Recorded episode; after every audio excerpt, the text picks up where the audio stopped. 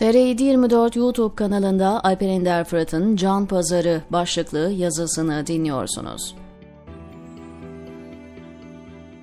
Orta Doğu'da ticaret dolar ya da euro üzerinden değil, can üzerinden yürür. Güç sahipleri en çok can pazarlığı yapar.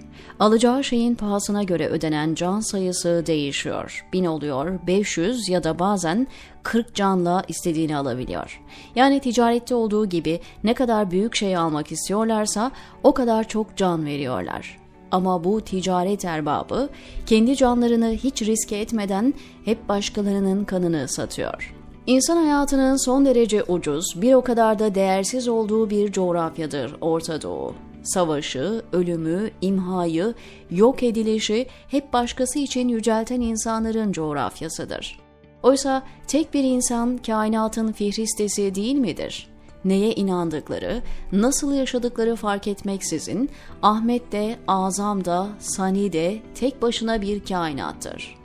Böyle bir varlığın hayatının bu kadar ucuz olması, yaratıcısına karşı büyük bir saygısızlık değil de nedir? Allah'ın muhatap aldığı yegane varlıksın ama senin hayatına tek bir kurşunla ya da bombalarla değer biçiyorlar.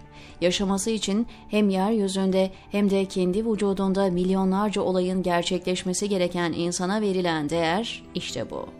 İnsanı hem eşrefi mahlukat olarak hem de Allah'ın yeryüzündeki halifesi olarak gören iki dinin mensuplarının onu bu kadar değersizleştirmesi, bir istatistik rakamına dönüştürmesi ne yaman çelişkidir. Bugün Orta Doğu kendisinden olmayanları parazit gibi gören, kendinden olanlara da masada elini güçlendirecek bir sayı gözüyle bakan diktatörlerin yaşadığı yerdir. Mesela iktidarı bırakmamak için ülkede milliyetçiliği etkinleştirmek istiyorsan PKK hemen devreye girip ortalığı kan gölüne çeviriyor. Gücün sahipleri muratlarına erince bir daha lazım olacağı zamana kadar inine giriyor. Ne kadar çok kan dökerse muktedirlerin eli o kadar güçlenip toplum istenen kıvama getiriliyor.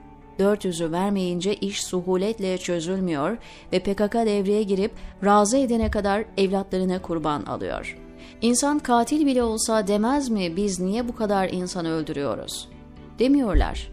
Diyelim ki Mısır ve Birleşik Arap Emirlikleri gibi Suudi Arabistan'ın da İsrail'le anlaşmaya varmasını istemiyorsanız, onun sinir uçlarına dokunuyor, zaten canavarlaşmak için pusuda bekleyeni tam bir canavara dönüştürüyorsunuz.'' İsrail beklenen tepkiyi anında verip insanlıktan çıkıyor, sanki bilgisayarda oyun oynuyormuş gibi milyonlarca insanın üzerine ölüm yağdırıyor. Ve bu sayede herkes anlaşmayı da barışı da unutuveriyor. Ne kadar ölüm varsa masada oturanlar, politika belirlemek isteyenler o kadar muradına eriyor. Orta Doğu ölümden hayat bulan iktidarlar demek kim daha çok zayiat verecek, kim o zayiat ve acıyla karşı tarafı zor durumda bırakacak, kim bebeklerin hayatlarıyla kendi iktidarına kan devşirecek. Kendisine İslamcı diyen adamların Türkiye'de yaptıklarını, söyledikleri yalanları, para için neleri satabileceklerini, iktidar olabilmek için hangi yılanlarla nasıl iş tuttuklarını bizzat görmemiş olsaydım, Hamas'a hüsnü zan beslerdim.'' Ama şimdi ezbere bir hüsnü zanla uzağım. Hamas'ı yönetenlerin gizli açık kimlerle iş tuttuğunu, iş tuttukları arasında İsrailli birilerinin olup olmadığını ya da İran'ın çıkarlarına hizmet edip etmediklerini bilemiyorum. İsrail mi haklı, Hamas en daha mı haklı yoksa İran mı en doğrusu? Milyonlarca insan tartışıp duruyor.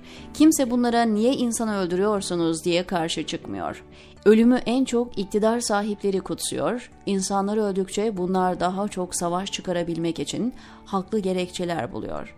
Orta Doğu ölümün dünyevi iktidarlar uğruna kutsandığı çirkin diktatörler coğrafyası diyor Alper Ender Fırat TR724'deki köşesinde.